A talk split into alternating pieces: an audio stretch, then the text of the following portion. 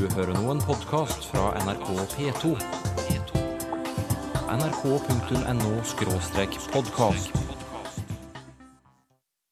Alle mennesker er flerspråklige. Bare hør på barna når de leker. Du må parker aner ven ener. Og det er ut ifra en oppfatning om at når man skal leke, så må må man snakke østnorsk, og da kan man ikke bruke diftonger, ikke engang overfor en einar. Da må han hete for ener. Flere eksempler i Språkteigen i dag, der vi også besøker Luxembourg, som har tre offisielle språk. Uh, guten Morgen. Bonjour. Guten Tag. Ja, slik hilser kelneren deg velkommen på restaurant i Luxembourg. Hallo? Sylfest? Lomheim? Hvor er du? På viddene Viddene? Hvilke vidder? Viota. Ute på Viotta? Du, vil du være så staut å komme hit med en gang? Du skal jo svare på lytterspørsmål om en liten stund. Ja, det er artig. Vi mennesker er massivt flerspråklige, uten at vi er klar over det.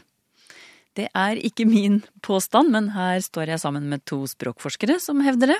Kristin Melum Eide ved NTNU og Hilde Solid, Universitetet i Tromsø. Og Hilde, hva legger dere i det at vi er massivt flerspråklige? Ja, vi kan jo begynne med å si at uh, vi ikke mener at uh, vi snakker forskjellige nasjonalspråk.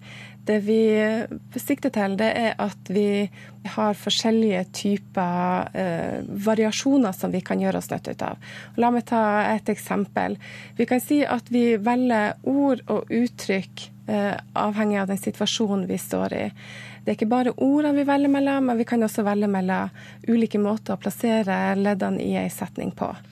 Og Kristin har et veldig godt eksempel for å illustrere det, den variasjonen Ja, som igjen, handler Kristin. om eh, HV-spørresetninger. Ja, det er jo en masteravhandling som er levert eh, opp hos oss, da, som er veileda av Tor Afali og skrevet av André Reite. Der han eh, undersøkte HV-spørsmål i Skedsmo-dialekten. Ja, hva er HV-spørsmål? Det er sånne spørsmål som handler om hva, hvem, og hvor, og hvilken, og hvordan. F.eks. det at når du har eh, I, i denne dialekten så kan du ha både hvor, og du kan ha å. Og å er da litt mer dialektnær. Og da er det sånn at de her to spørreordene de kommer med hver sin eh, syntaks, hver sin grammatikk. Så å du kommer fra, eller å du kommer fra, den er egentlig helt grei, men hvor du kommer fra, den er ikke så bra. Og da er det slik at hvis du velger den ene varianten med å, f.eks., så har du mulighet for å ha verbet på andreplass eller tredjeplass. Og hvis du velger varianten med hvor, så er du bundet til å ha verbet på andreplass. Så for å få dette klart nå, altså det at vi er massivt flerspråklige, som dere sier, det handler om at vi stokker om på rekkefølgen, eh, i, ordrekkefølgen i setningene våre, ettersom hva slags situasjoner vi er i. Har jeg forstått det riktig da? Ja, det er veldig mye det.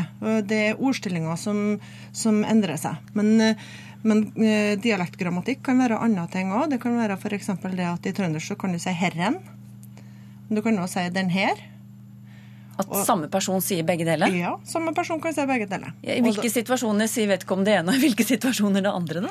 Det som er typisk, det er at du snakker mer dialektnært når du er sammen med andre dialektbrukere av den samme dialekten. Det er en, litt, en sannhet med modifikasjoner, for det handler om hvis jeg har sympati for den dialektbrukeren som jeg snakker med, så vil jeg prøve å nærme meg den dialekten. Og Hvis sympatien ikke er så sterk, så vil jeg kanskje prøve å markere at vi to er veldig forskjellige. Det kan jeg Hilde ganske mye mer om. Mm. Ja, jeg har lyst til å ta et eksempel fra doktoravhandlinga til Toril Oppsal ved Universitetet i Oslo, som finner fram at eh, elever med i flerspråklige miljøer, både de som er flerspråklige sjøl, har innvandrerbakgrunn, eh, men også de som har ei norsk bakgrunn. Eh, de vil ha leddstillingsvariasjon. Og når forskerne er til stede i rommet og intervjuer ungdommene, så vil de ha mer eh, standardnære varianter. Vil si, de vil si i morgen går jeg til skolen. Eh, Men så kan de ha flere innslag av en annen variant som heter 'I morgen jeg går til skolen'. Og Det er et eksempel på det her eh, nære altså du bruker, Når du er sammen med vennene dine, så kan du bruke det du oppfatter som det, det nære, det som er, tilhører den gruppa, kanskje. Kanskje det handler om et gruppespråk. Men det er jo en eh, ting det at man eh, har visst ganske lenge at man kan velge ord ut ifra sammenhengen og hvem man snakker med. Men eh, det som er ganske nytt, da, både internasjonalt og særlig nasjonalt, det er det at man forsker på det her med dialektsyntaks. Grammatikken til ulike dialekter og varieteter. Og det er noe nytt at man faktisk òg har noen ting som ligner på et register av ulike grammatikker, som man plukker det som er best egnet for den konteksten man befinner seg i. Og Det er jo når vi snakka om eh, i forrige program, om uh, festsyntaks, at man plasserer verbet til slutt i sånne konfirmasjonssanger, at det er en ting som føles veldig passende i akkurat den konteksten, og som ville ha fått deg sperra inn hvis du gjorde det i veldig mange andre kontekster. Mm. Jeg har bare lyst til å nevne en, eh, en sånn grammatikk til, eh, uten at vi bør gå så veldig dypt i det. Eh, Dere snakker om noe som heter dagboksyntaks. Veldig kort, hva er det for noe? Det er typisk at man kutter ut uh, subjektet. F.eks. 'traff han igjen i dag'. Det er sånn vi skriver i dagbøkene våre. Det er Det er sånn vi som fremdeles gjør det. Ja. Det er jo typisk på Facebook at man eh, utelater subjektet. Eh, sitter her alene. Har vært det lenge nå. Det er jo fra livet. Men det er, sånn, det er en ganske typisk Facebook-oppdatering og dagboksyntaks at man kutter ut subjektet. Så det er også et av de språkene i eh, hermetegn som vi, vi bruker. Men hvordan utvikler vi slik flerspråklighet som dere snakker om nå? Vi menneskene vi er tydeligvis innstilt på å utvikle flerspråklighet helt fra starten. Og en ting som eh, viser at ungene våre er veldig følsomme for eh, det å utvikle flerspråklighet, det er at eh, til og med unger som vokser opp i si, en heim med to trønderske foreldre, vil bli tospråklige på den måten at de behersker eh, østnorsk ganske flytende. På et veldig tidlig stadium. Og, og det kommer inn bl.a. fordi at man leser til ungene sine. Og det kommer inn via barne-TV og tegnefilmer, selvfølgelig. Men så er det også slik at det som fester seg hos dem, det er deres oppfatning av hvordan denne dialekten er. Så jeg kan nevne et eksempel fra mine sønner, som leker parkeringsplass ut, utenfor huset. Og da han yngstemann han var ikke like oppdatert på reglene for denne parkeringa, og, og han heter da Einar. Og eldstemann måtte da stramme han opp litt og si at du må parker aner ven, ener. Og det er ut ifra en oppfatning om at når man skal leke, man skal være oppsynsmann på en parkeringsplass, så må man snakke østnorsk, og da kan man ikke bruke diftonger, ikke engang overfor en Einar. Da må han hete for ener. Hvorfor trenger vi flere grammatikker, flere syntakser i språket vårt? Jeg tenker at vi trenger det nettopp for å vise allianser, vise nærhet og eh, med folk rundt oss. Vi trenger å på ulike måter si at vi står på lik linje. Vi kan kommunisere, og vi gjør det på denne måten. Vi har lyst til å være lik hverandre. Eh, Det tror jeg er en, veldig viktig grunn til det. Eh, Og i barneårene så leker vi oss med den variasjonen som finnes, som vi oppfatter rundt oss. Se om det, er en form for mening i det. Se om vi kan bruke det til språklige ressurser i den kommunikasjonen vi har.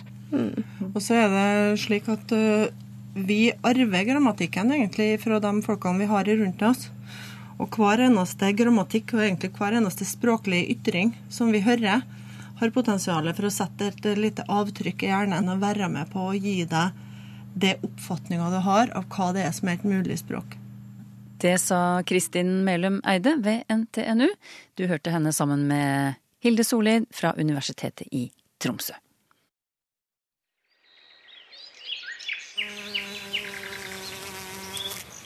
Jeg har etterlyst eh, lytternes sommerord, og dem er det mange av, viser det seg. Her får du et lite knippe. Ordet som gir meg sommerfølelsen er makrellskyer, skriver Karsten. Det signaliserer både håp om godvær og godt makrellfiske. Et av Turid by Eidsvågs sommerord er fønvind.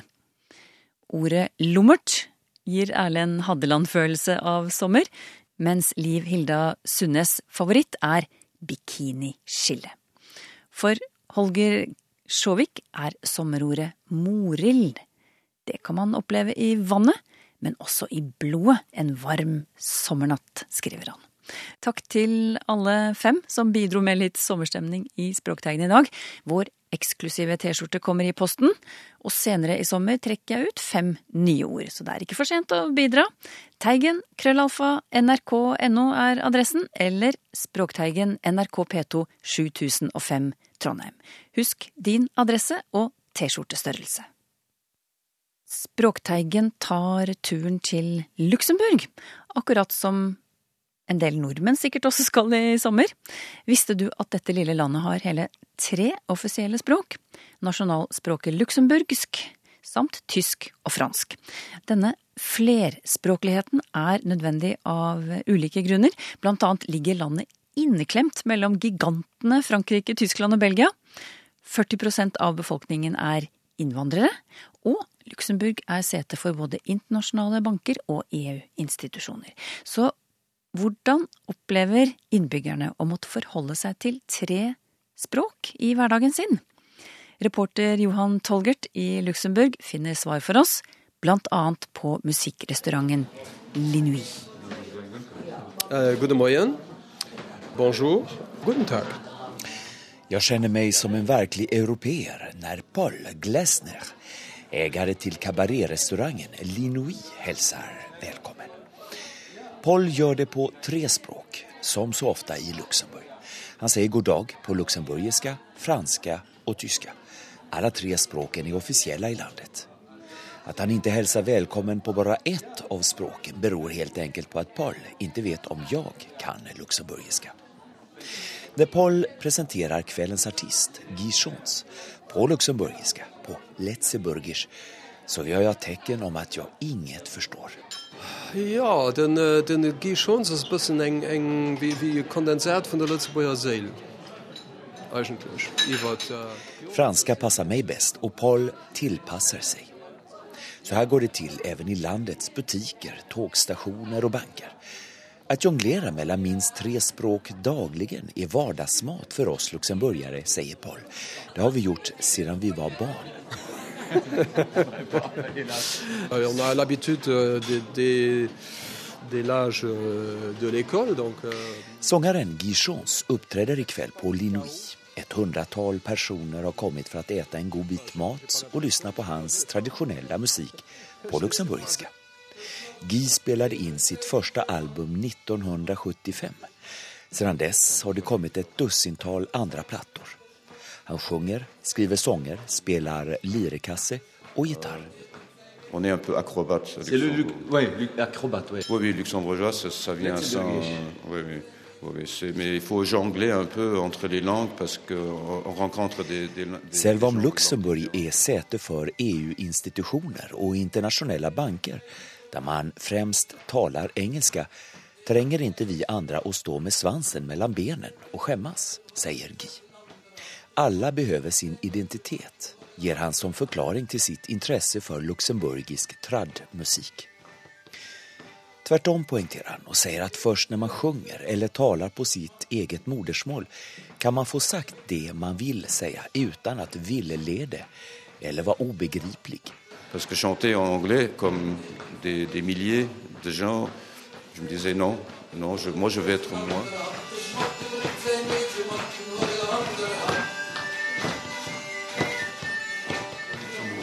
Also wir kennen Dullemusik schon von früher an. Gästen Macht Bender har lyssnat på sångaren Guy Chons sedan hon var tonåring. Hon tycker det är dags för mig att få höra lite luxemburgiska och tala först på landets språk och översätter sen till franska. På 70-talet var det luxemburgiska språket synonymt med strängt konservativa och borgerliga verdier. När Guy kom spräckte han konventionerna. Han representerade en ny och modern anda, vilket gjorde honom till mångas idol. Und wir hoffen, dass wir sie 50 Jahre lang gesehen. En annan gäst på kabarérrestaurangen Lenouis, Gilles, tycker också att det är en stor rikedom att tala många olika språk. Han säger att det känns skönt att med stolthet kunna säga att jag är luxemburgare, Men samtidig finns det gudskelov inga nationalistiska rörelser i landet. Intresset för den luxemburgiska identiteten kommer därför inte ut av kontroll. Logique de, de droite, de nationalisme, de populisme, de dire bah oui, j'aime bien la culture, comme j'aime bien, bien d'autres cultures quand je voyage. På 1980 och 90-talen kom intresset för luxemburgiska att öka ytterligare. Letzeburgisch är ett germanskt språk. Men det var først 1984 som det fikk en framtredende posisjon. Tyskan og franskan fikk dermed træde et steg tilbake i administrative sammenheng. Om det tidligere ansetts være stygt at tale luxemburgisk, anses det nå være stuerent. Allt fler skolämnen sker också på luxemburgiska idag. Men i vissa ämnen som fysik och kemi saknas kurslitteratur. Idag har Luxemburg över en halv miljon invånare. De som är födda i landet får Letzeburgisch gratis. Det är det språk som de flesta talar till vardags. Lite mer än 40 procent av storhertigdömets invånare är immigranter. Många av de vuxna invandrarna lär sig luxemburgiska på fritiden medan barnen förstås får det i skolan. Dessa tar alltså chicken dit de kommer. Men få av de som arbetar vid landets internationella banker och institutioner bryr sig om att lära världslandets språk. Men det tycker Silvia Nels är synd. Hon önskar att även gästarbetare visar mer respekt och tar sig lite tid att lära luxemburgiska. För flerspråkigheten kan ge inblickar i nya synsätt och underlätta kontakter i vardagen menar hon. Elle refuse de parler ça en français parce qu'elle veut que, que les Français euh, apprennent notre langue. Maurizio Spirigliozzi är italienare. Han har lärt sig luxemburgiska på kvällskurs, för det är just språket som för oss immigranter samman med landets invånare, säger han. C'est très simple, non, non, non, c'est très simple. Je suis un, un luxembourgeois italien. Voilà. Ägaren till Linui, Paul Glesner, är förresten gift med österrikiska sångerskan Shlomit som i sin tur är född i Israel. Internationellt så det förslår. På luxemburgiska förklarar Paul att det mänskliga språket är en formidabel resurs. Att dagligen jonglera mellan flera olika språk ökar människans potential. Geschichte von Lützeburg auseinandersetzt, als Sachen rum sich geht, die die op andere Plätzen net, net so einfach zu fanne sind.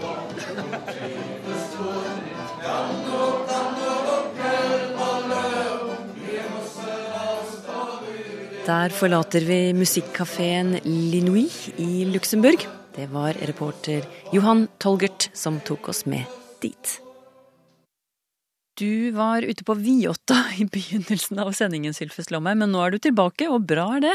For Marit Synnøve Nordby fra Kløfta vil at du forklarer akkurat det ordet, Viotta. Hun mistenker at det har noe med vidder å gjøre?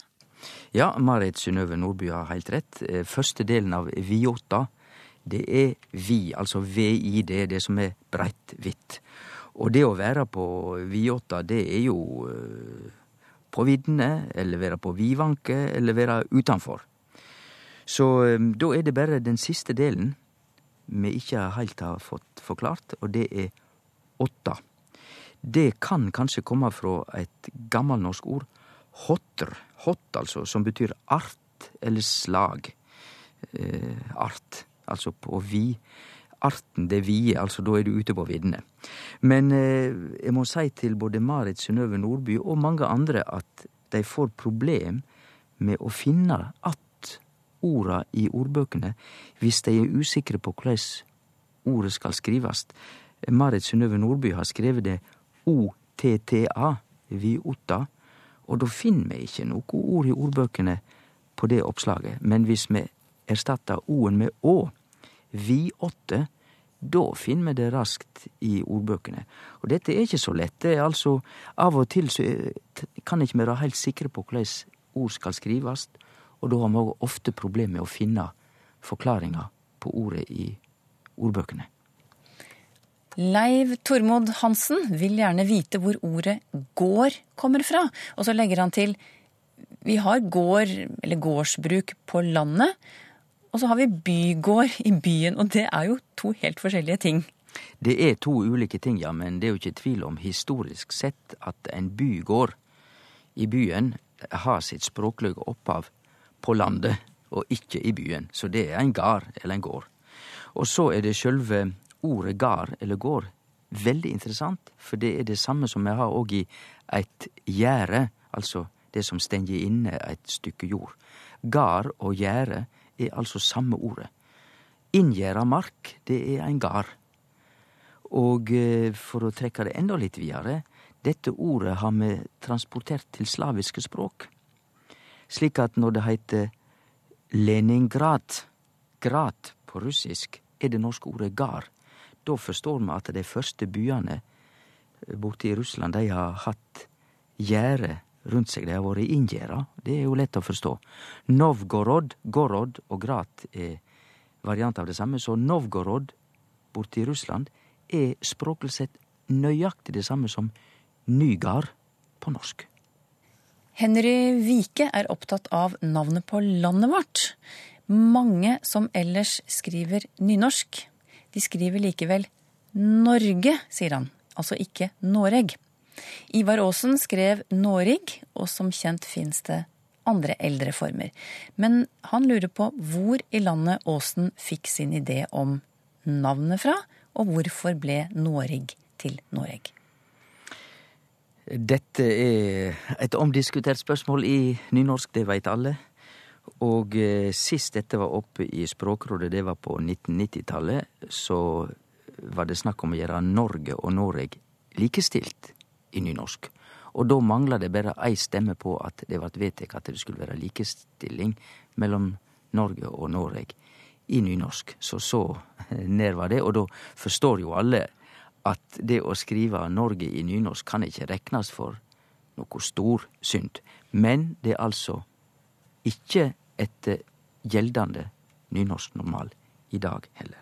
Så er det spørsmål om eh, Ja, Aasen han skrev jo faktisk eh, Norge òg, han. Eh, så han skrev ikke bare Noreg, men han landa jo etter hvert på Noreg, som er Noreg. Og det gjorde han ikke på grunn av dialektene, for der står jo dette veldig eh, svakt. Det gjorde det også på Åsen tid, men da var det en del former i dialektene som kunne leggjast til eh, Noreg, for eksempel Nørri og Nori. Men han tenkte på gammelnorsk, han, for han visste jo at det gammelnorske utgangspunktet for ordet er Nordveger, altså nordveg, vegen mot nord.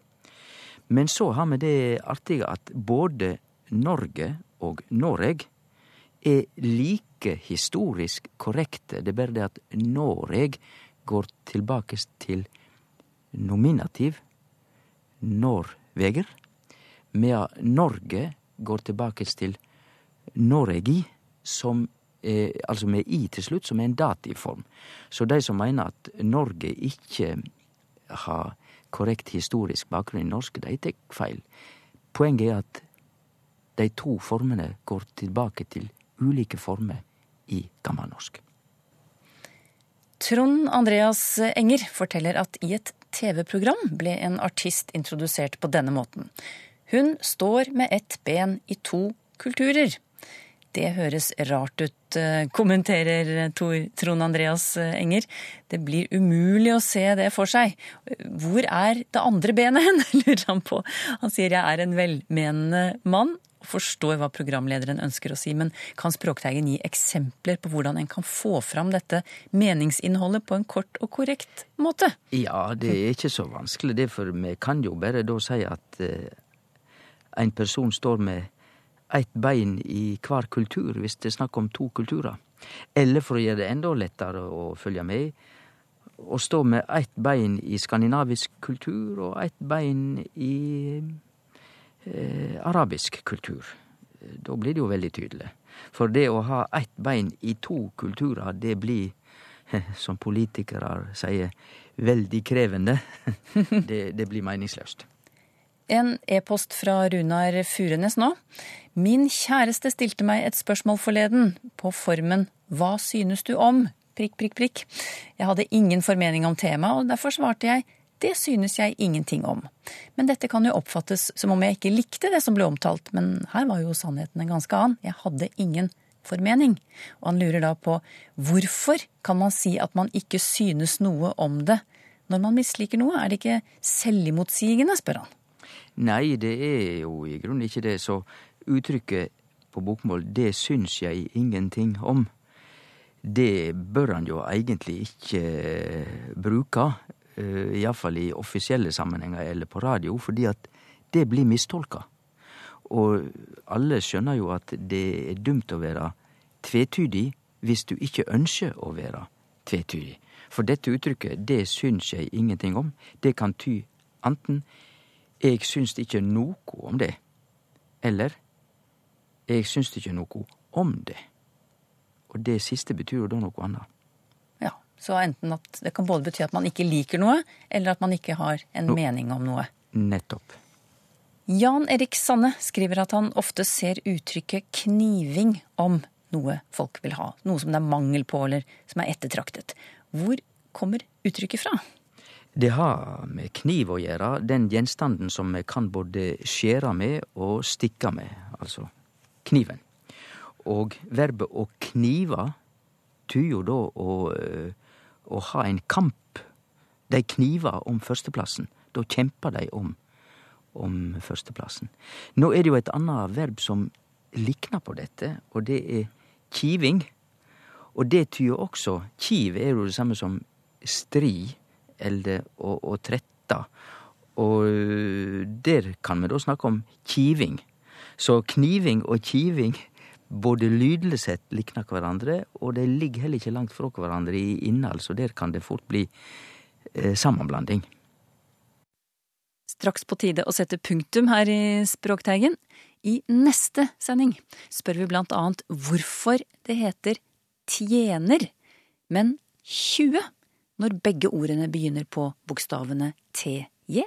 Her tror jeg faktisk at dette har å gjøre med det faktum at etter Ivar Aasens tid, så har alle i Norge lært seg å lese og skrive. Språkteigen om en uke.